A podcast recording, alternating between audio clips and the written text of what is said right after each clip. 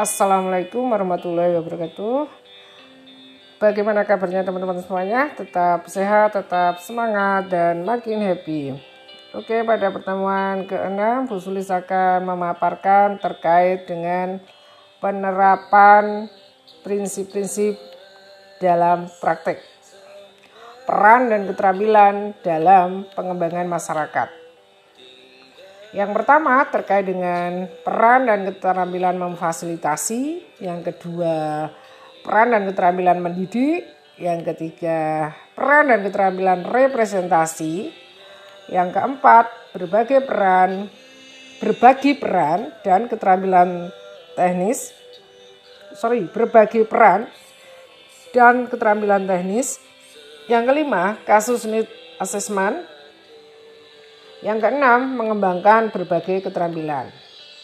Oke, kita eh, cermati satu persatu ya. Yang pertama terkait dengan peran dan keterampilan memfasilitasi. Nah, dalam peran dan keterampilan memfasilitasi ini diperlukan semangat sosial, mediasi dan negosiasi, adanya dukungan membangun konsensus, fasilitasi kelompok, pemanfaatan berbagai keterampilan dan sumber daya, serta mengorganisasi dan komunikasi pribadi. Jadi, dalam peran dan keterampilan memfasilitasi ini ada poin-poin penting yang perlu diperhatikan dari semangat sosial mediasi dan negosiasi, dukungan, fasilitasi kelompok, membangun konsensus, sampai komunikasi pribadi ini uh, menjadi poin penting yang harus diperhatikan oleh seorang fasilitator. Yang kedua, peran dan keterampilan mendidik. Ya, fasilitator harus punya peran dan keterampilan dalam peningkatan kesadaran, memberikan informasi yang jelas, ya, kemudian menghindari konfrontasi dan untuk upaya keterampilan bisa melalui pelatihan.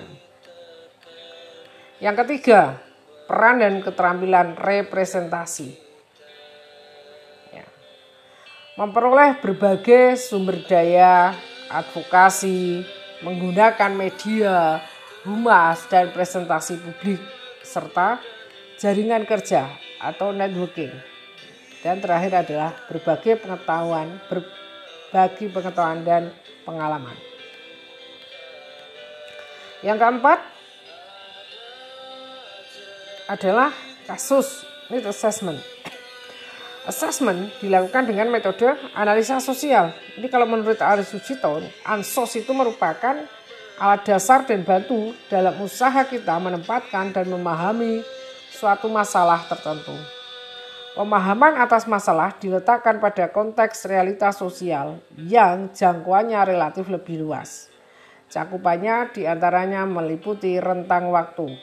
Nah, ini biasanya disebut dengan historical. Struktur kondisi atau keadilan sosial, ekonomi, politik, kultural, kaitan nilai, serta space, baik aras lokal ataupun global. Nah, ansos itu untuk apa sih? Ansos itu untuk, kalau menurut Ari Sucito, ini untuk menangkap dan menginterpretasikan persoalan penting atau kunci yang terjadi pada masyarakat yang kedua, mencermati tata dan struktur masyarakat dengan menilai kira-kira kelompok mana yang diuntungkan dan dirugikan dalam sistem itu. Menilai keterkaitan berbagai sistem dan mekanisme yang bekerja pada masyarakat. Menelaah kapasitas masyarakat yang berpotensi untuk dikembangkan dan didaya gunakan. Ini suatu perspektif pemberdayaan yang selanjutnya adalah identifikasi dan memilih tindakan-tindakan strategis. Yang pertama untuk mengubah keadaan masyarakat atau mempertahankan sesuatu yang dianggap berguna bagi masyarakat. Beberapa ciri ansos, ansos itu dilandasi oleh nilai-nilai tertentu, bukan bebas nilai. Nah, pandangan kritis ini menyebut senantiasa ada keberpihakan. Pendekatan partisipatori di mana ansos mengedepankan pelibatan sebesar-besarnya anggota komunitas untuk mendefinisikan masalahnya. Dalam kaitan ini, biasanya peneliti sekedar menjadi fasilitator. Memasukkan sebanyak mungkin sudut pandang untuk memperkaya dan memperdalam analisis Meskipun perlu rangkaian satu sama lain dalam sudut pandang itu agar tidak menimbulkan kontradiksi memperoleh roadmap. Dalam ansos itu membutuhkan kejelian pengamatan atas struktur maupun perilaku para ansos yang terlibat atas realitas. Lebih mementingkan penemuan akar persoalan dibandingkan hanya mendasarkan akibat-akibat semata. Bagaimana cara melakukan langkah-langkah ansos? Ini dari berbagai sumber. Pertama, memilih dan menentukan objek analisis. Yang kedua, pengumpulan data atau informasi. Yang ketiga, identifikasi dan analisis masalah. Yang keempat, menemukan akar masalah. Yang kelima, menganalisis kebutuhan yang keenam, menentukan alternatif penyelesaian. Kemudian ketujuh, analisis SWOT dan analisis dampak. Terakhir adalah penyelesaian akhir. Bagaimana peranan ansos dalam pengorganisasian masyarakat? Nah, ini ada e, cuplikan dari Lause ya, dalam buku pengorganisasian masyarakat dari Yayasan Puter Bogor. Ini selalu menjadi spirit ya dalam pengembangan masyarakat. Kutipannya seperti ini.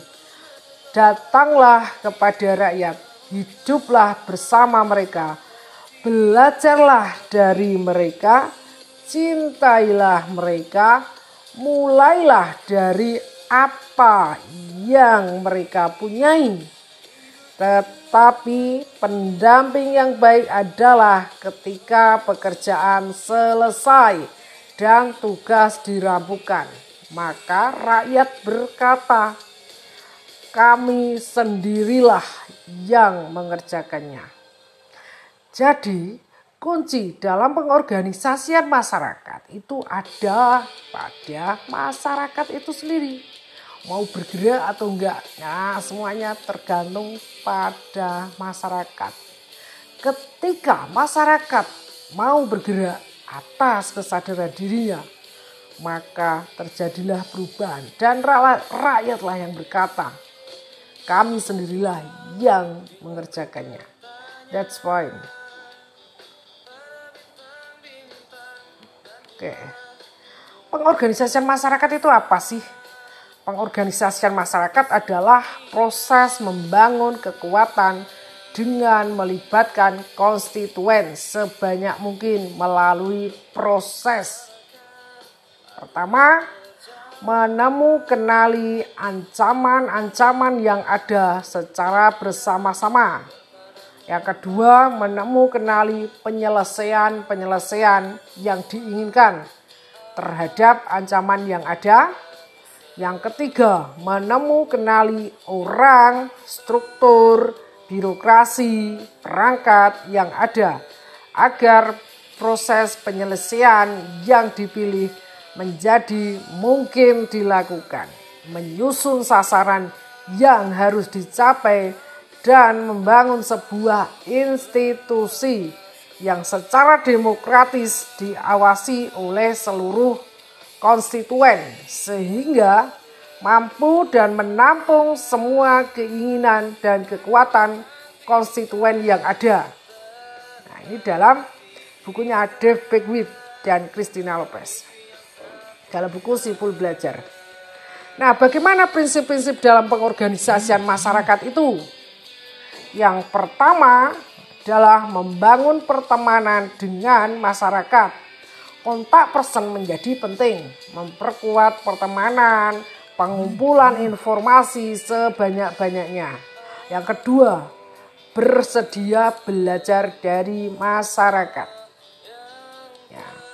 Yang ketiga, tidak berpretensi menjadi pemimpin atau leader. Yang keempat, membangun masyarakat berdasarkan potensi yang ada. Yang kelima, mempercayai bahwa masyarakat itu mempunyai potensi. Oke, bagaimana model-model dan strategi pengorganisasian masyarakat itu? Yang pertama, model dan strategi Paulo Freire. Ini masyarakat lebih pada masyarakat pedesaan.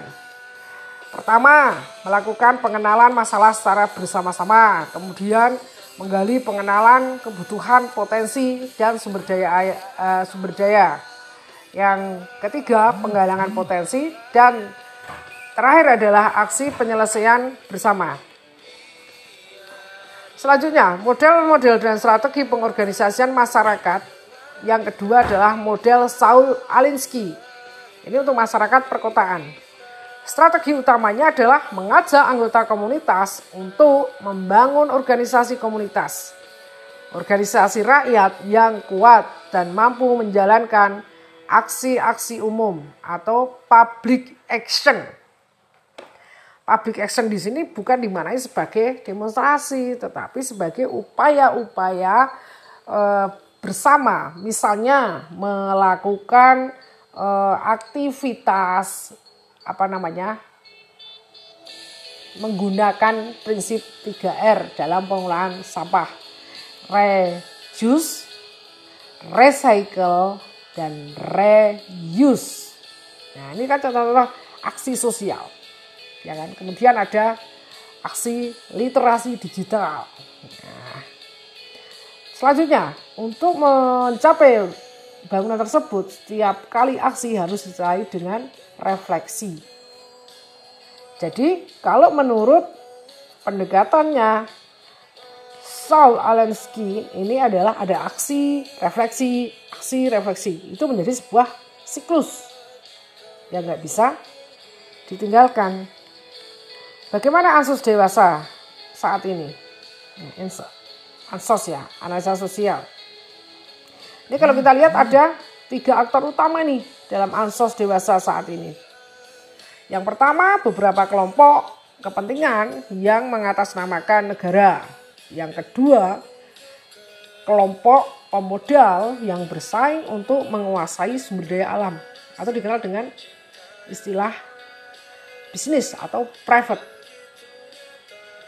Kemudian kelompok tiga adalah rakyat yang terfragmentasi melalui pengaruh kelompok-kelompok di atas. Nah, bagaimana cara pendekatan dalam proses pengorganisasian masyarakat itu? Proses pengorganisasian masyarakat tentu melalui pendidikan dan penyadaran. Ini adalah strategi utama, strategi yang efektif melalui pendidikan dan penyadaran. Yang kedua, apa? Melalui bantuan ekonomi. Ini hanya stimulan aja, bukan yang utama.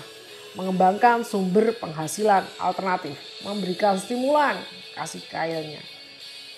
Yang terakhir adalah penyelesaian kasus.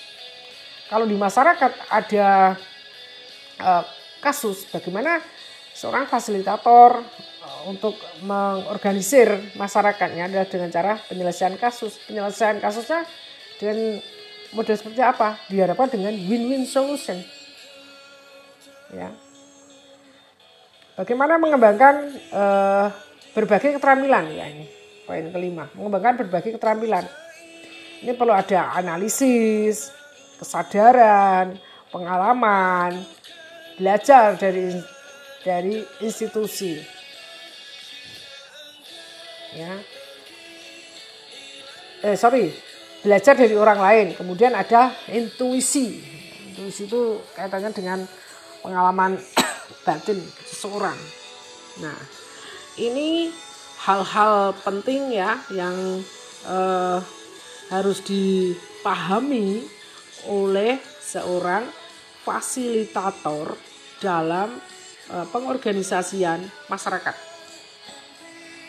Nah, harapannya nanti semuanya uh, Bu Sulis berharap ya teman-teman semuanya bisa memahami ini prinsip-prinsip mendasar dan keterampilan-keterampilan yang idealnya dimiliki oleh seorang fasilitator. Oke, ya ada enam fasilitator nih, sorry, ada enam peran ini yang harus dituntut ya, enam skill yang harus dimiliki oleh uh, seorang fasilitator dalam pengorganisasian masyarakat. Bagaimana teknik memfasilitasi, keterampilan memfasilitasi, semuanya butuh dilatih, tidak bisa instan. Bagaimana seorang fasilitator belajar menjadi fasilitator? Learning by doing. Perlu banyak exercise, latihan, latihan, latihan. Karena dengan begitu akan semakin terampil bagaimana memfasilitasi masyarakat Contoh, ketika teman-teman memfasilitasi FGD. Nah, di FGD itu tentu harus ada job desk yang jelas. Siapa melakukan apa? Yang bertugas menjadi fasilitator itu jelas. Arah diskusinya itu mau dibawa ke mana? Mengarahkan arah diskusinya. Dalam konteks memfasilitasi itu posisi fasilitator sorry posisi fasilitator tentu harus bisa memainkan perannya secara adil. Jangan sampai ketika memfasilitasi ada yang dominan, ada yang tidak dilibatkan secara aktif, yang peserta yang diam bagaimana fasilitator membangkitkan agar bisa terlibat aktif, pancing laki perempuan punya hak yang sama untuk terlibat dalam uh, misalnya di forum FGD atau rapat-rapat lainnya. Kemudian peran dan keterampilan mendidik. Nah ini fasilitator itu harus punya banyak stock of knowledge karena itu menjadi modal ketika merespon persoalan-persoalan yang ada di masyarakat. Kemudian peran dan keterampilan representasi menjadi wakil. Kalau dalam bahasanya uh, apa namanya Gayatri Gayatri Spivak itu kan subaltern yang di atas namakan bagaimana menggeser konsep ini ya menggeser uh, konsep subaltern ini jangan sampai masyarakat atau rakyat itu menjadi subaltern menjadi sesuatu uh, menjadi subaltern itu ada yang di atas nama atas nama rakyat, atas nama masyarakat. Kan representasi. Ketika fasilitator menjadi representasi itu benar-benar harus bisa menjadi wakilnya masyarakat yang tadi dalam bahasanya Gayatri Spivak adalah subaltern. Subaltern adalah orang-orang yang diwakil yang diwakilkan suaranya. Nah, proses sorry, peran fasilitator itu bagaimana agar masyarakat itu bisa speak up, bisa mewakilkan dirinya sendiri, tidak diwakilkan oleh pihak-pihak tertentu. Fasilitator kan hanya mendorong. Nah, itu kemudian melahirkan masyarakat yang berani speak up, ngomong, menyampaikan aspirasinya, tidak lagi di atas namakan tidak lagi disubalternkan begitu. Nah ini berat juga tugas fasilitator.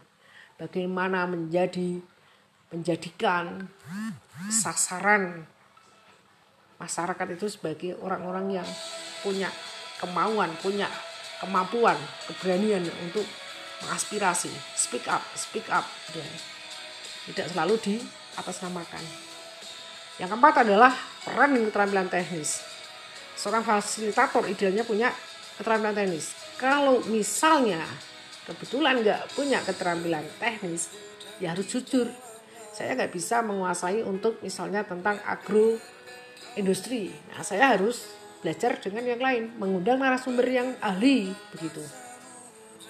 Kemudian kasus need assessment. Nah, di sini fasilitator juga perlu sangat perlu memahami mengidentifikasi bagaimana melakukan assessment kebutuhan yang ada di masyarakat. Need assessment. Sehingga nanti ada skala prioritas. Mana sih yang harus segera diselesaikan oleh masyarakat? Mana yang nanti itu bisa ditunda? Mana yang nanti itu bisa untuk jangka panjang?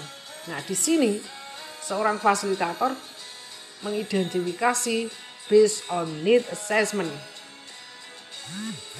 Mendorong masyarakat bisa melakukan pilihan-pilihan terhadap uh, penyelesaian kebutuhannya. Yang paling mendesak itu yang utama yang harus dilakukan. Dicarikan solusi pertama. Yang menengah atau jangka panjang. Itu bisa ongoing proses nah bagaimana masyarakat bisa melakukan need assessment dengan difasilitasi oleh fasilitator? Yang keenam adalah mengembangkan berbagai keterampilan. Nah setiap orang itu unik everyone is unique.